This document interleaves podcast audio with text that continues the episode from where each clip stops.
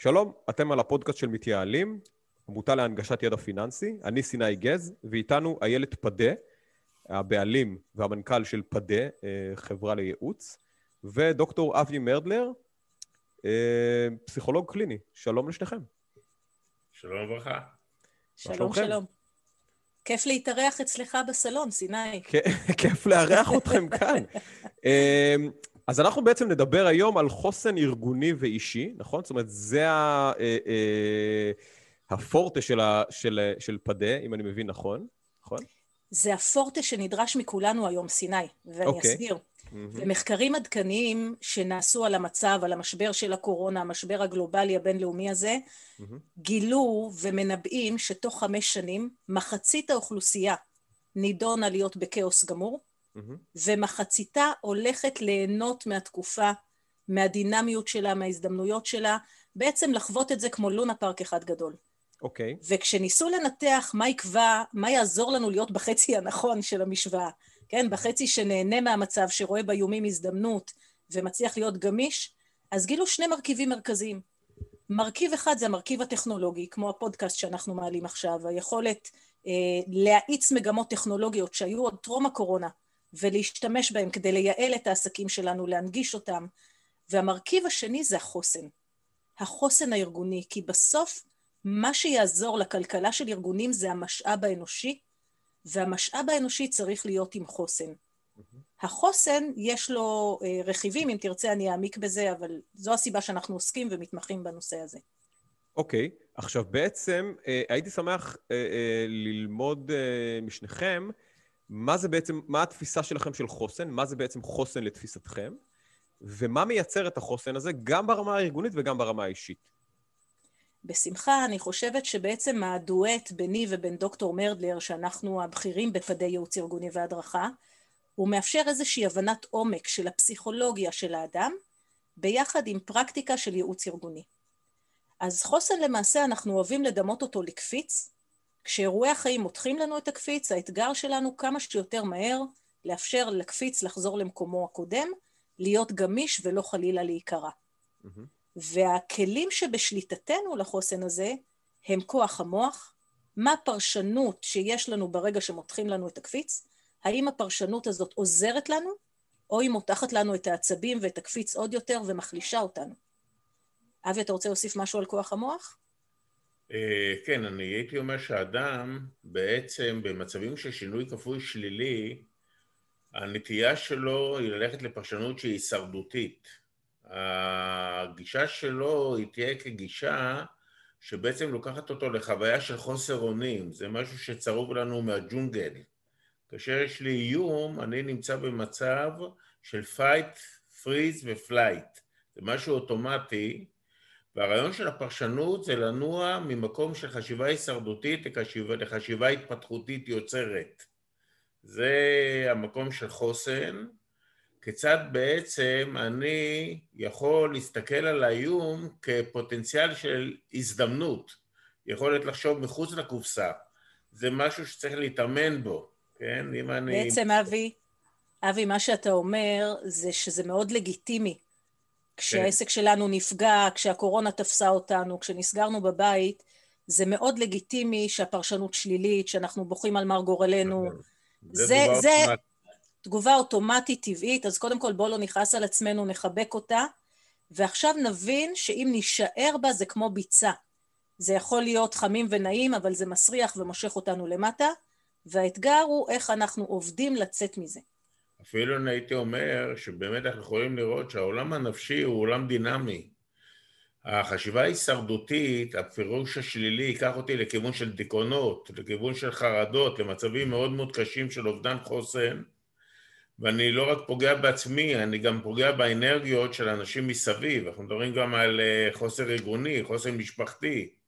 עכשיו, עכשיו אדם בעצם לזה... יכול להפיץ או אור או חושך. לחלוטין, לחלוטין. אה, אה, עכשיו, תנו לי באמת כמה, כמה המשבר הספציפי הזה הוא אה, חריג בהקשר הזה, גם, גם, ב, גם באלמנטים של, ה, של הבידוד החברתי וה, והדברים האלה, כמה הוא באמת הוא חריג ממשברים אחרים, כמה הוא באמת יותר, הוא יותר מאתגר, בוא נגיד ככה, כמה הוא יותר מאתגר ממשברים אחרים, והאם אתם מזהים, כי דיברתם קצת גם על העניין של הטכנולוגי וגם העניין של החוסן הארגוני, הרי בעצם, ושוב, אני לא יודע כמה זה, כמה זה בא לידי ביטוי, אבל החוסן הארגוני למעשה אה, אה, התמודד מול אתגר מאוד גדול, שאנשים בעצם לא היו בארגון, הם עבדו מהבית, הם עבדו מבחוץ, והם היו מאוד אה, אה, אה, מנותקים מה, מ, מליבת העשייה שלהם בהרבה מקומות. אז כמה המשבר הזה מייצר אתגרים, אחר, אתגרים חדשים, אה, וכמובן הזדמנויות חדשות, וכמה הוא אה, אה, אה, מאלץ אותנו להיות יותר יצירתיים או יותר אה, אה, חדשניים, נגיד ככה, בהקשר הזה. זאת אומרת, לא רק לאמץ טכנולוגיות קיימות, אלא גם לנסות לייצר דברים יש מאין אפילו. סיני, אתה... אני הייתי רוצה להתחיל קצת רגע בתיאור, והילד כמובן תוסיף את הצד שלה. אם שניכם מתנפלים על התשובה, זה אומר ששאלתי שאלה רצינית. שאלות טובות שאלת. לא, שאלות מצוינות, וזה מעולה. אני אגיד מבחינה קלינית, הסיטואציה של הקורונה לקחה אותנו למצב נפשי שכולנו מנסים להימנע ממנו, וזה מצב של חוסר ודאות. אנחנו רגילים להתמודד בחיים במצבים של ודאות, עוד יום, יש לי תוכניות, אני אסע לחו"ל, גם הארגונים, יש להם את התוכניות העסקיות שלהם. הקורונה בעצם עשתה לנו שינוי בדרגה שנייה, שאנחנו קוראים לזה שינוי מטלטל, לקחה אותנו מתשתית של ודאות לתשתית של חוסר ודאות.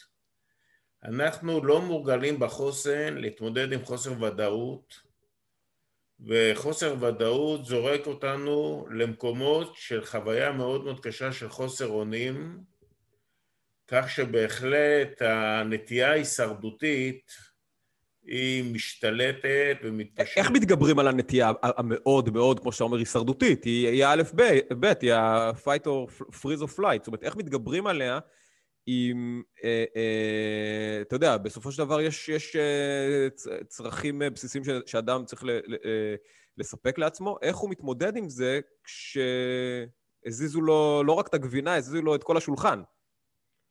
לגמרי, לגמרי, נכון.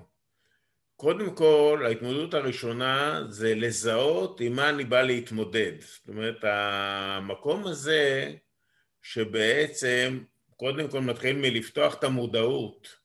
עם מה אני בעצם מתמודד, זה השלב הראשון של התמודדות. השלב הראשון של התמודדות זה היכולת של אדם לא לשקוע לתוך עצמו, שזה דבר שמביא לפסימיות ולפסיביות. אז השלב הראשון זה שלב של מודעות, להבין מול מה אני מתמודד, ובאמת יש כאן אתגר מאוד גדול של התמודדות עם חוסר ודאות, זה השלב הראשון. וכמו שאמרנו, הכלים של כוח המוח זה הפרשנות, יש לנו את הכלים של אה, כוח היחסים. אוקיי. Okay. במצב של הישרדות אני הולך לכיוון של יחסי שליטה, אני מנסה להיצמד כי אני מרגיש שאני מאבד שליטה. ובעצם התנועה שאנחנו מייצרים בפדה זה תנועה של לנוע ליחסים שיושבים יותר על יחסים של שיתוף פעולה. על יחסים של הדדיות, ביחד זה כוח. אנחנו בג'ונגל הצלחנו להתגבר על כל הבעיות מתוך הביחד. שיתוף פעולה וכלים. אני אצטרף, אבי, לזה, כי זה כל כך חזק מה שאתה אומר. המחקרים בעצם מראים, ואנחנו לא צריכים מחקרים בשביל להרגיש את זה על בשרנו, שהאתגר היום הוא יותר גדול מכפי שבן אדם אחד יכול לבד. ולכן הצורך, אם אמרנו שיש חוסן מורכב ממספר כוחות לפתרונות, כוח המוח, ואבי מעלה עכשיו את כוח היחסים, אנחנו חייבים כתנאי להצלחה עבודת צוות. אנחנו צריכים לחזק את המחוברות, השייכות והאמון, מה שמאוד נחלש, כפי שהתייחסת מקודם, כשאנשים עובדים מהבית. ולכן קודם כל חשוב לי להגיד פה בשורה מעודדת, שמי שטרח בערב שבת, יאכל בשבת. אנחנו רואים בקרב הלקוחות שלנו, שלקוחות שהשקיעו שנים קודם במחוברות, באמון עם הצוותים, בתקשורת פנים ארגונית טובה, היה להם קל יותר לנהל את המשבר. כי המשבר שם את האמון באתגר מאוד מאוד גדול, שם את היחסים שדווקא אותם אתה צריך במשבר הזה. ולעומת זאת, ארגונים שלא טיפלו בבעיות קודם לכן, הבעיות קיבלו משנה תוקף והם צפו בעקבות המשבר בצורה הרבה יותר עוצמתית. זה לא אומר ש... כן? כן, כן, לא, לא, תסיימי.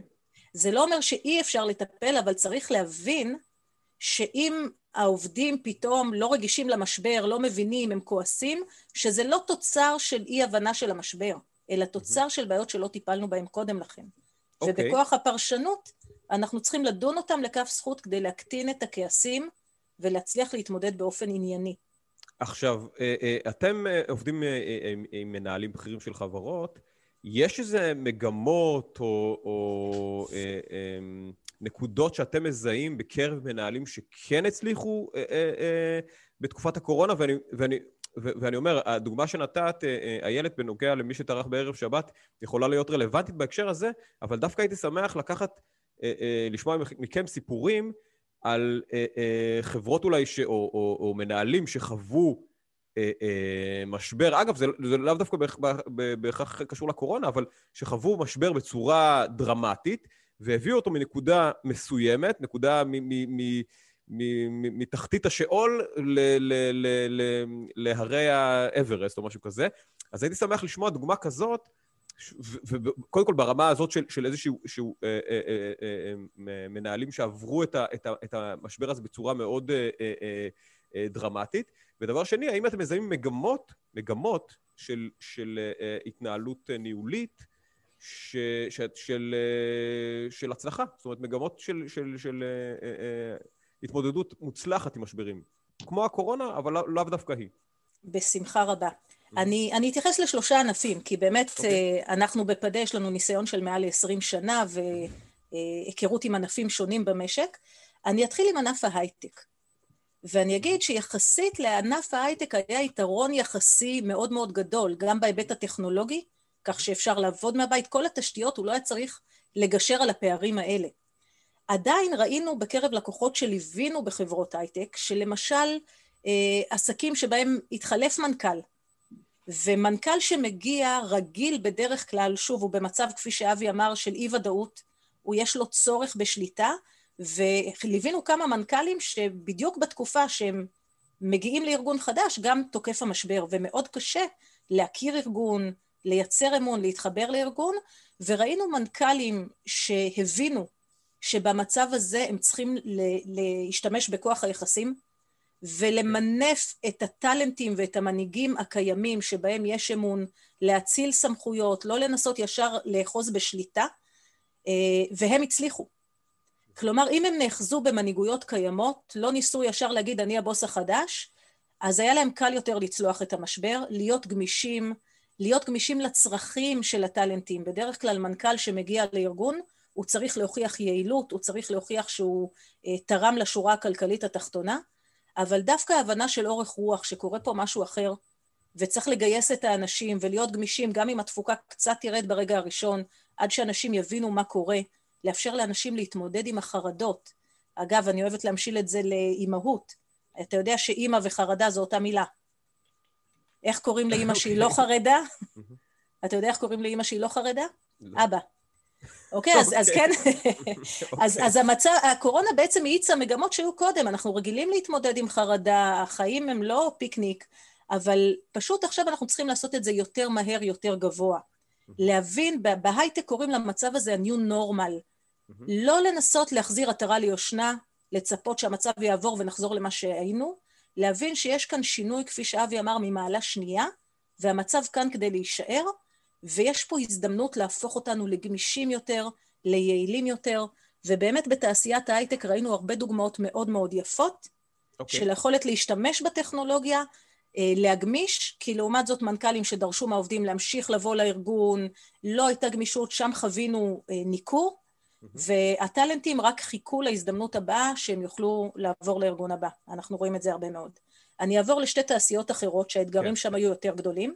אני אתייחס לתעשיית התחבורה ולתעשיית המלונאות, שספגו מכה מאוד מאוד גדולה. אז קודם כל, בענף המלונאות, כולנו יודעים, מי לא מתגעגע לנפוש באיזה בית מלון טוב, אה, בענף המלונאות למעשה היה אתגר, אוקיי? ויש מספר רשתות שזכינו ללוות לפני, כמו קראון פלאזה ורשת דן, וראינו שכשעובדים עם המנהלים על קבלת החלטות, על מהירות בקבלת החלטות, על גמישות, אז ראינו למשל את הדוגמה היפה של רשת דן, שקיבלה החלטה להפוך מלון למלון קורונה.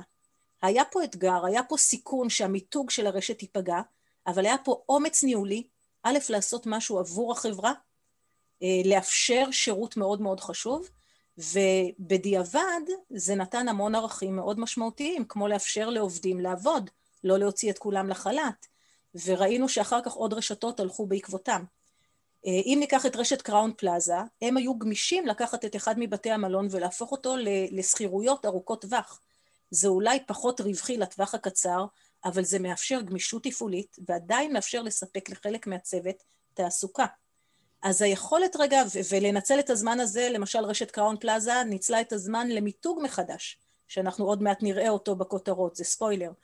אז היכולת שלנו להבין שגם אם עצרו אותנו רגע, ואי אפשר להמשיך במה שהיינו רגילים, להפוך את האיום בכוח המוח להזדמנות, ולהפיק משהו חדש, גם נותן תחושה של יצרנות, מוציא אותנו מהביצה, ומאפשר לנו להגיע ליום של אחרי עם בשורה חדשה. Okay. אם אוקיי. אני אתייחס לענף התחבורה, וזו הדוגמה האחרונה. נכון. כן, בשמחה.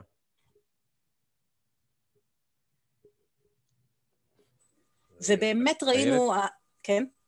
פספסתי את ה... נעלמת לנו לאיזה אה, כמה שניות, אם תוכלו לחזור? תודה.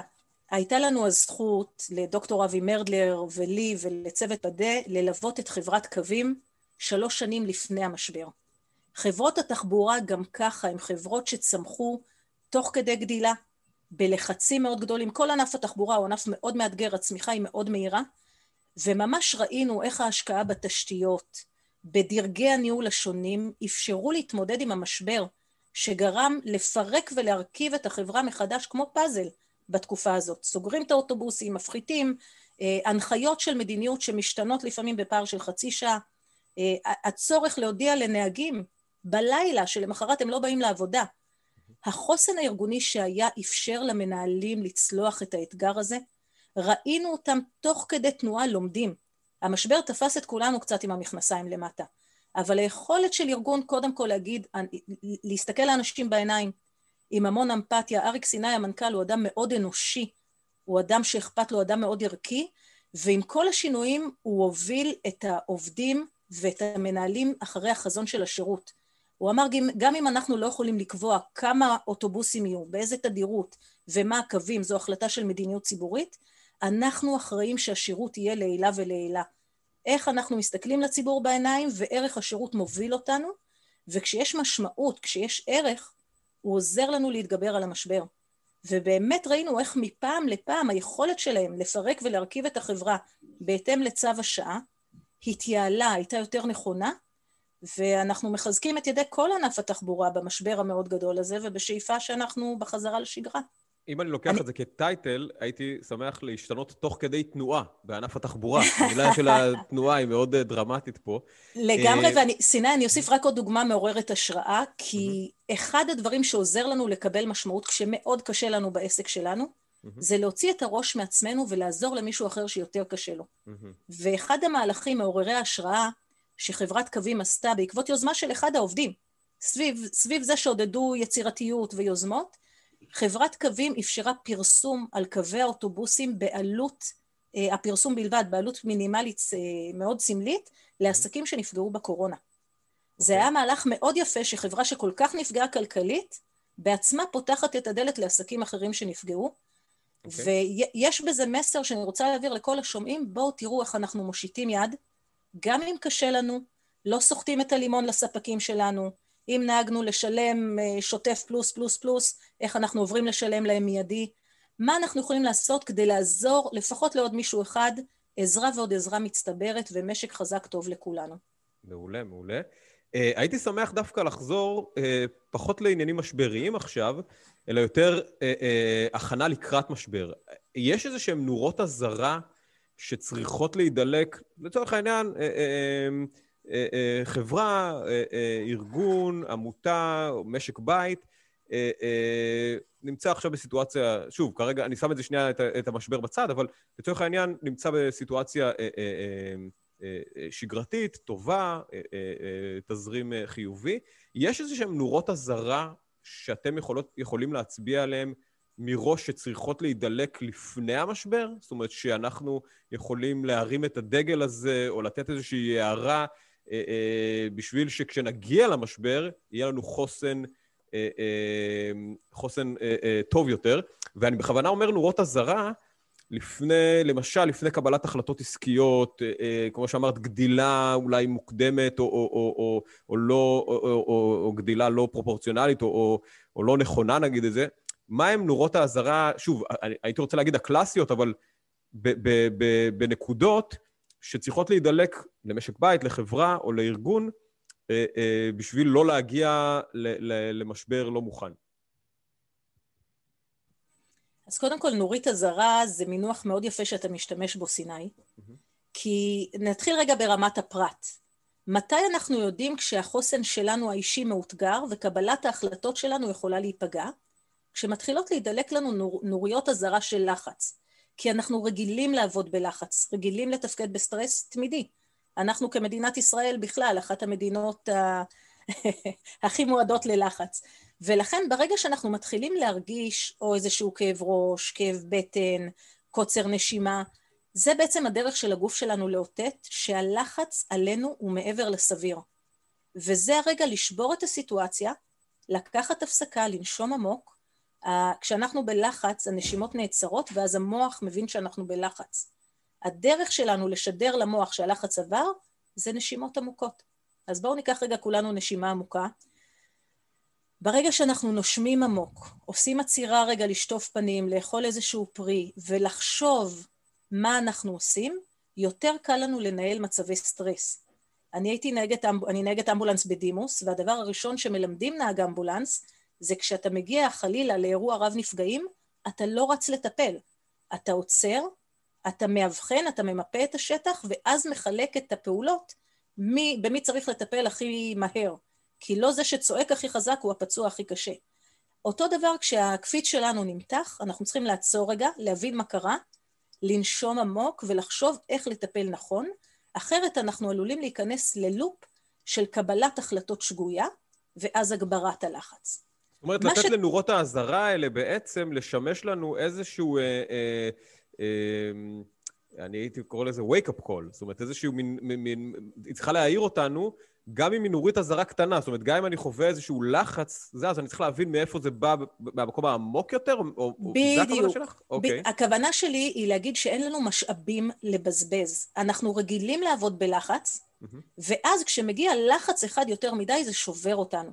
אז מה שאני בעצם באה להגיד לכל השומעים, בואו נוריד לחצים בשוטף, בואו לא נבנה על היכולת שלנו להתמודד, כי כשמגיע משבר הוא מצריך משאבים שחשוב שיהיו לנו ברזרבה, בין אם זה משאבים נפשיים ובין אם זה משאבים כלכליים, ואני אתן דוגמאות, אוקיי? Mm-hmm. Okay? דוגמה אחת להוריד לחצים מיותרים מהשוטף, זה לבחור את המלחמות.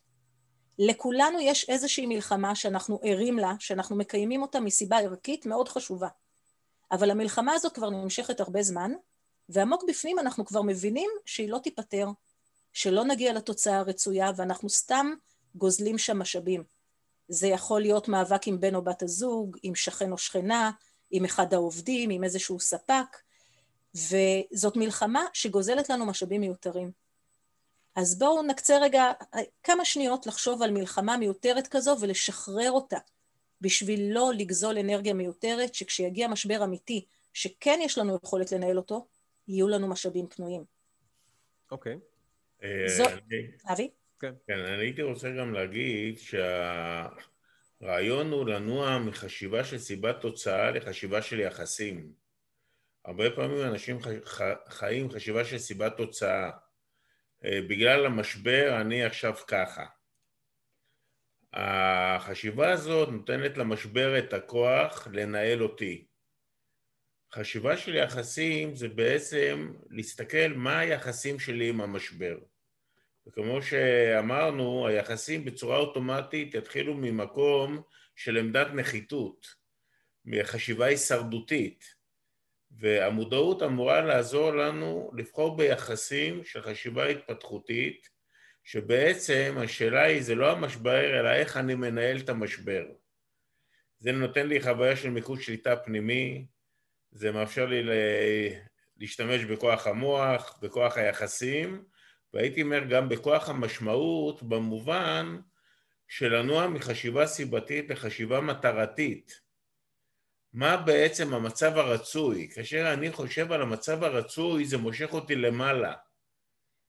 החשיבה הופכת להיות מטרתית של הווה עתיד ולא של עבר הווה.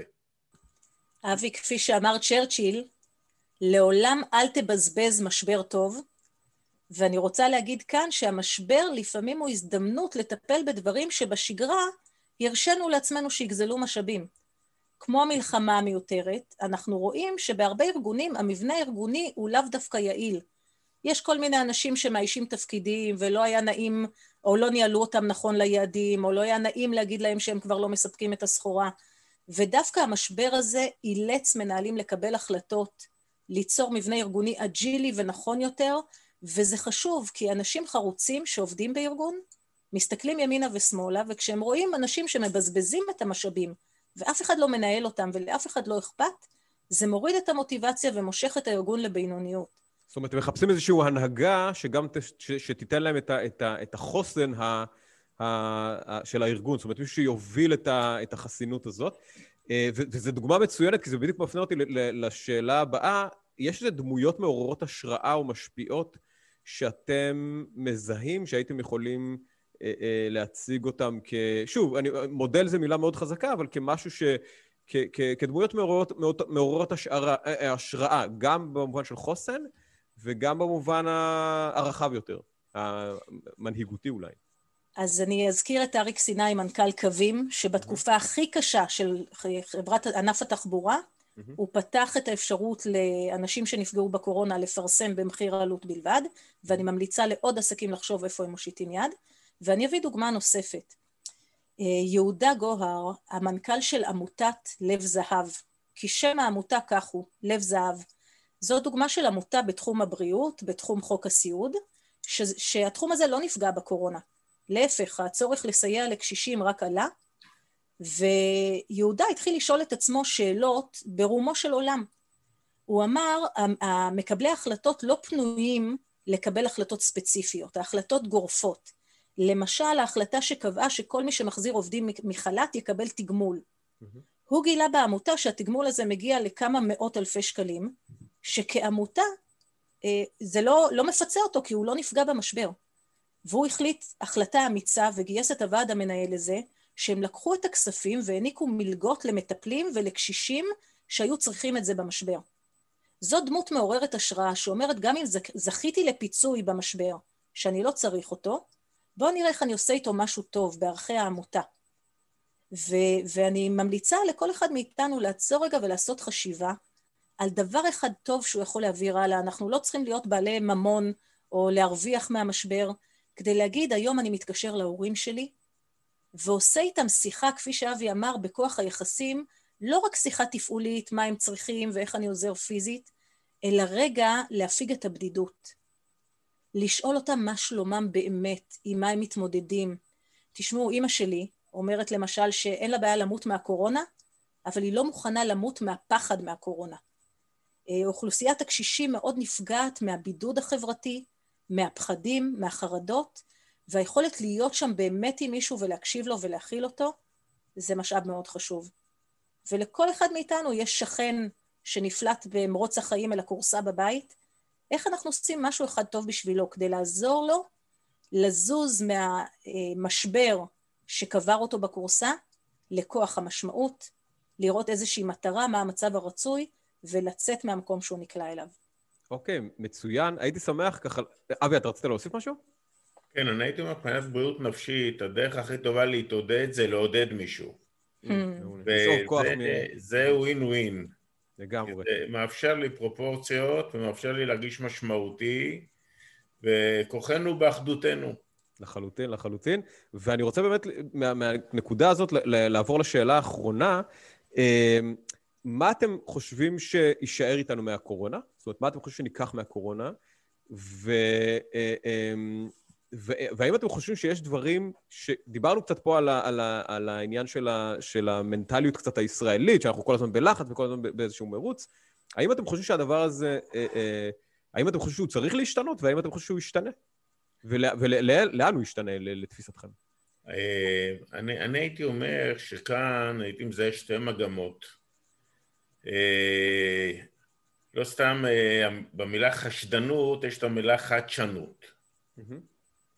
מגמה אחת פחות טובה זה אנשים שמאבדים אמון, מאבדים אמון ביחסים, מאבדים אמון בעצמם, מאבדים אמון בחיים. במדינה?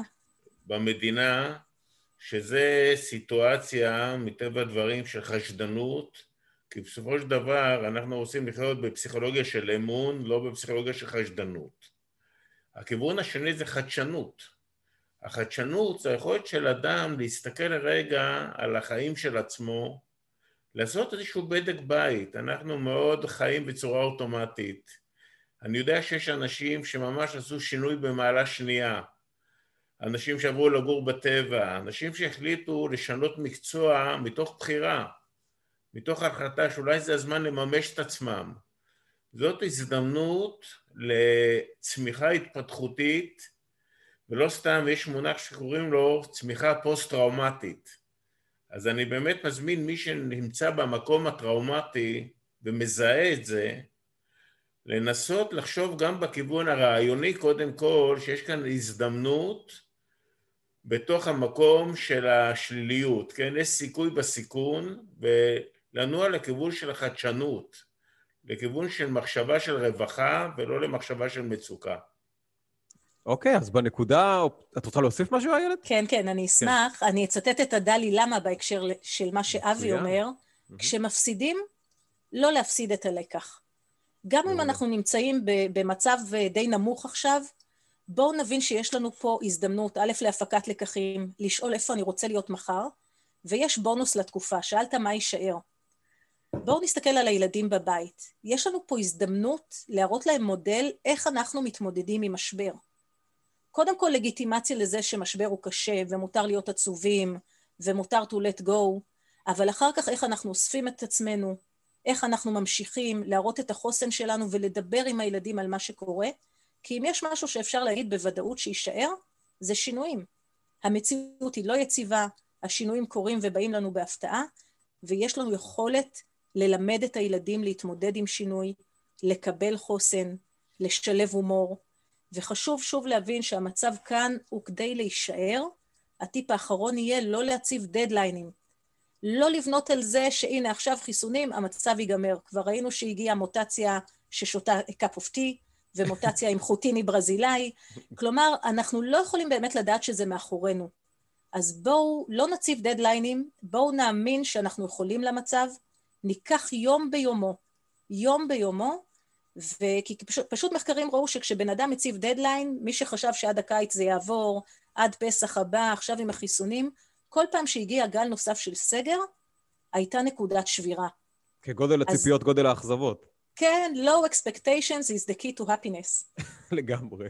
אז אוקיי, אז בנקודה הזו, אה, אה, אני רוצה להודות לשניכם, באמת, נתתם פה כמה תובנות מעניינות, אני מאוד מקווה שה...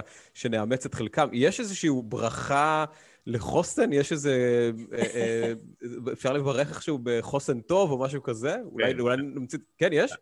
אני המצאתי הגדרה לחוסן, זה לקחת את החיים ברצינות ואת עצמי לא יותר מדי ברצינות. מעולה. אז אחלה, אז שיהיה, שיהיה לכולנו חוסן טוב ו- ויום מצוין. אמן.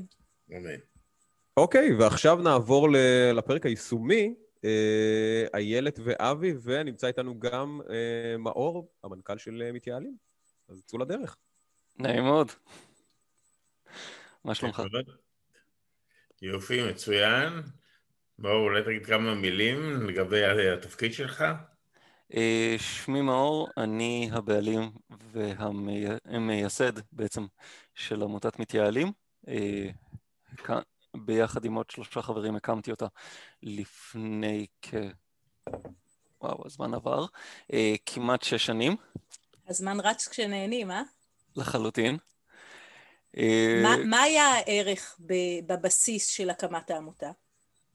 העמותה עצמה הוקמה על בסיס קונספט אחד של להנגיש ידע פיננסי לציבור הרחב בצורה עצמאית ובלתי תלויה. לא זיהינו פער שרוב הידע הפיננסי נמצא אצל גורמים בעלי אינטרסים, והמטרה שלנו הייתה להקים בעצם עמותה שתנגיש את הידע בצורה עצמאית. מאור, זה נשמע בדיוק כמו ההמלצה שלנו לקהל השומעים, להעביר את זה הלאה. משק חזק טוב לכולנו, ואתם עושים את זה כערך, זו מהות העיסוק של העמותה. והזמנו אותך היום להעלות איזשהו פער אה, של חוסן, פער שאתה חווה כמנכ"ל. אז קודם כל, תודה על האומץ ועל הפתיחות לעלות בשידור, כדי שנוכל להמחיש את שיטת הקואוצ'ין שלנו בפדה. אז בוא תשתף אותנו בפער. בשמחה. פער שלי מפריע באופן אישי. אני בתור בן אדם, באופי שלי, שונא לנהל משא ומתן. והלקוח הישראלי תמיד אוהב, תמיד אוהב לנהל משא ומתן. עכשיו, הגישה שלי זה שההצעה הראשונה שאני נותן ללקוח, היא תמיד תהיה ההצעה הכי טובה, גם מהצד שלי וגם, וגם מהצד שלו.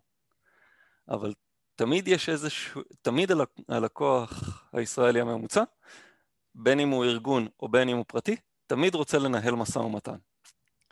זה מגיע לשלב שבאיזשהו, שבתור מנכ"ל זה פוגע בעמותה שלי. למה? כי אני אומר להרבה לקוחות, בצורה יפה, לכו חפשו את החברים שלכם, אנחנו לא מנהלים אתכם משא ומתן פה. אתה יודע מה זה מזכיר לי, מאור? זה מזכיר לי בדיחה שהציעו את לוחות הברית לכל מיני עמים. Mm-hmm. אבל אתה יודע, עם אחד שאל מה כתוב, אמרו לא תנאף, זה לא בדיוק התאים לתרבות של העם הזה, עם אחר אמרו לא תגנוב, זה לא בדיוק התיישר להם, וכשהציעו את זה ליהודים, הם שאלו כמה זה עולה. אמרו להם בחינם, אמרו תביאו שניים. אז uh, בהחלט, הנושא של משא ומתן הוא מאוד מושפע תרבותית. אנחנו פוגשים את זה הרבה כשאנחנו מלווים uh, סטארט-אפים שהופכים להיות גלובליים, והם צריכים ללמוד את התרבות של המשא ומתן בתרבויות אחרות. ואתה מתאר פה משהו מאוד יפה. אתה אומר, בערכים שלך, הרי הקמת את העמותה כדי להנגיש ידע. כדי לתת. מראש אתה לא בא לעשות משא ומתן, אתה בא לתת. ואתה בא בגישה שההצעה הראשונה היא הצעה של ווין ווין. והרבה פעמים אנחנו נתקלים שאנשים לא מבינים כשהם מנהלים למשל משא ומתן עם ספקים, שהספק צריך להיות הפי. אם הספק שלך הפי, גם אתה תהיה הפי. ואלה שסוחטים את הלימון יותר מדי לא, מבין שהחיס... לא מבינים שהחיסכון עולה ביוקר. זה כבר מסר מאוד מאוד חשוב. שאתה מעביר בפתח הדילמה, ובוא נראה איך אנחנו מסייעים לך. מאסטרו?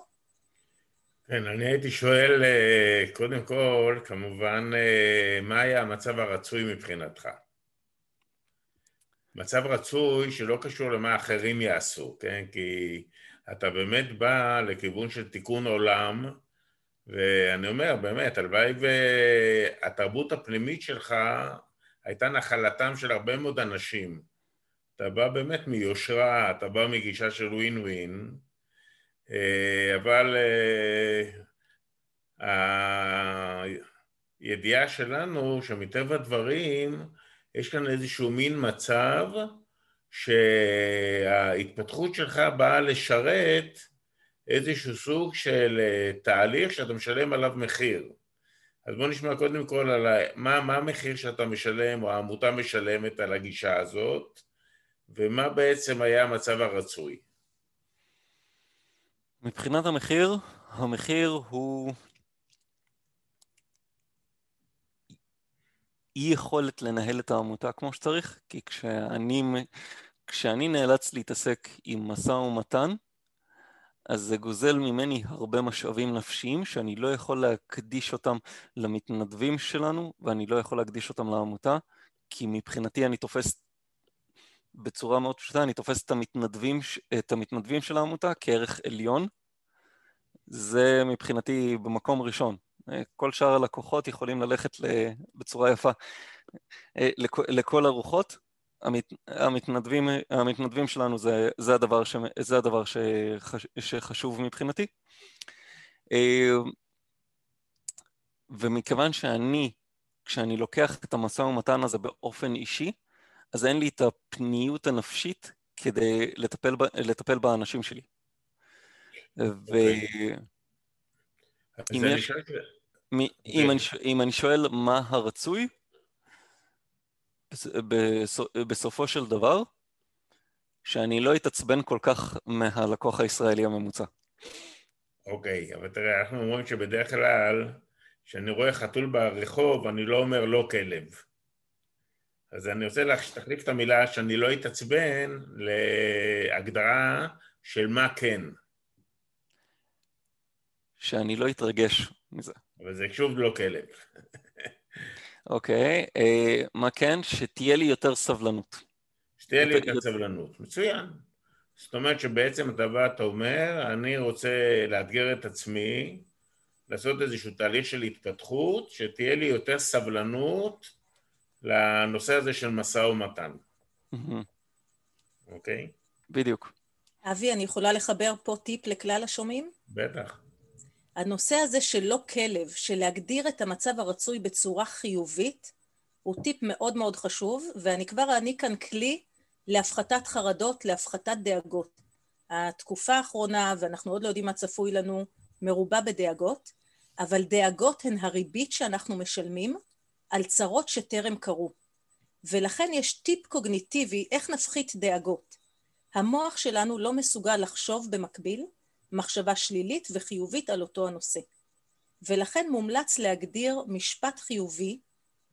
חיובי, זה לא אומר אני לא עצבני עכשיו, אלא אני שמח, אני רגוע, יש לי סבלנות, יש לי אורך רוח, ולהגדיר את המשפט כאילו הוא קורה עכשיו, בזמן הווה, ואני אמחיש את זה על הסיטואציה שלך, כשאתה בדרך למשא ומתן עם לקוח, mm-hmm. והמוח שלך מתחיל כבר לקחת, אמרת שיש פה אנרגיה נפשית שנגזלת ממך, זה מתיש אותך, זה גוזל ממך את המשאבים מלהשקיע במתנדבים שלכם ולעזור לציבור. אז במקום להיות עסוק במחשבות השליליות, בדאגות לקראת המשא ומתן, תגדיר מנטרה חיובית שקורית עכשיו בזמן הווה.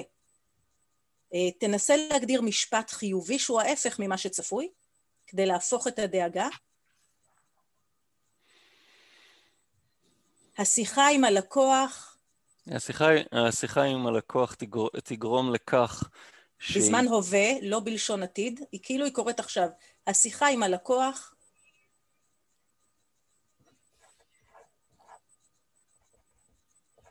זה צריך להיות, אני, אני אמחיש, הראשי mm-hmm. התיבות זה להפוך את הדאגה. הפך. זה צריך להיות בזמן הווה, כאילו זה קורה עכשיו, לא משהו שקרה לו משהו עתידי. זה צריך להיות פשוט, קצר ופשוט, וזה צריך להיות כאן וכן, חיובי. אז השיחה עם הלקוח צולחת, אנחנו צוחקים, מבינים אחד את השני, מגיעים להסכמה. אוקיי? משהו פשוט ש... משהו, משהו ש... כן? שאומר כזה, אה, הוא נראה כמו בן אדם, אין לו, אין לו קרניים וזנב. מצוין, הומור אגב זה כלי נפלא נוסף שנדבר, שדיברנו עליו גם קודם ואנחנו משתמשים בו הרבה. שים לב שההומור מרגיע את הסטרס במוח. אוקיי? בעצם אתה משלם מחיר, לא רק מחיר פיזי על המשא ומתן, על הזמן שהמשא ומתן לוקח, אלא מחיר רגשי של התחושות שלך. של העצבים על הלקוח הישראלי המצוי, אוקיי? אז הוא צומח הרבה בעונה אגב. אה, אני אגיד פה עוד משפט, שבעקבות המשבר הכלכלי, הרבה לקוחות מנהלים משא ומתן עם ספקים כדי להיות יעילים יותר. זה דבר רצוי, זה טיפ כלכלי חשוב, אבל אל תשכחו את הגישה של מאור, שאומרת לא לסחוט את הלימון של הספק. בואו תראו איך אתם מקדימים לו אולי תשלומים. בואו תגדירו שהוא הולך לקראתכם רק לתקופה. אוקיי? עד שהמשבר יעבור, אל תנסו לנצל את הספקים שלכם. תזכרו שמשא ומתן ווין ווין טוב לשני הצדדים. אם הספק לא מרוצה, אתם בסוף תשלמו את המחיר. תנו לספק שלכם להיות הפי, גם אתם תהיו הפי מהשירות. נחזור אליך, אבי. כן, אני רוצה ככה להתייחס למונח סבלנות. במונח סבלנות יש את המילה סבל. Mm-hmm. עכשיו, מה משנה סבל לסבלנות? סבל קורה כאשר אני ממוקד בעצמי. Mm-hmm. כן, אני אומר, הלקוח מעצבן אותי, זה לא באג'נדה שלי, אני במרכז. סבלנות זה התהליך של אמפתיה, שבאותו רגע אני לא מרוכז, it's not about me, זה קשור אליו, אני מרוכז ברצון שלו. כן, באיטליה תתנהג כאיטלקי, כן, אני אומר, דווקא הערכים שלך, אתה אדם של נתינה. כן. היכולת שלך לתרגם את הנתינה שלך ליכולת להיות מרוכז בלקוח, יעזור לך לשים את האג'נדה שלך בצד, ואז תוכל להפוך את הסבל לסבלנות. הבנתי. אני חושב, אני לא משוכנע, אני, אני די, די בטוח שזה ידרוש עוד עבודה. לא, זה ידרוש עבודה, מדוע? כי לא סתם אומרים, אדם קרוב אצל עצמו. תמיד כשיש איזשהו פער בין רצוי לבין מצוי, הפער דורך לי על איזשהו משהו של איך אני הייתי רוצה שדברים יהיו. כן, תסכול תמיד נובע מתוך זה שיש לי אג'נדה, כן, אני בא נגיד למקום מסוים, יש לי אג'נדה שלא יהיו שם אנשים ויש שם תור של עשרים איש.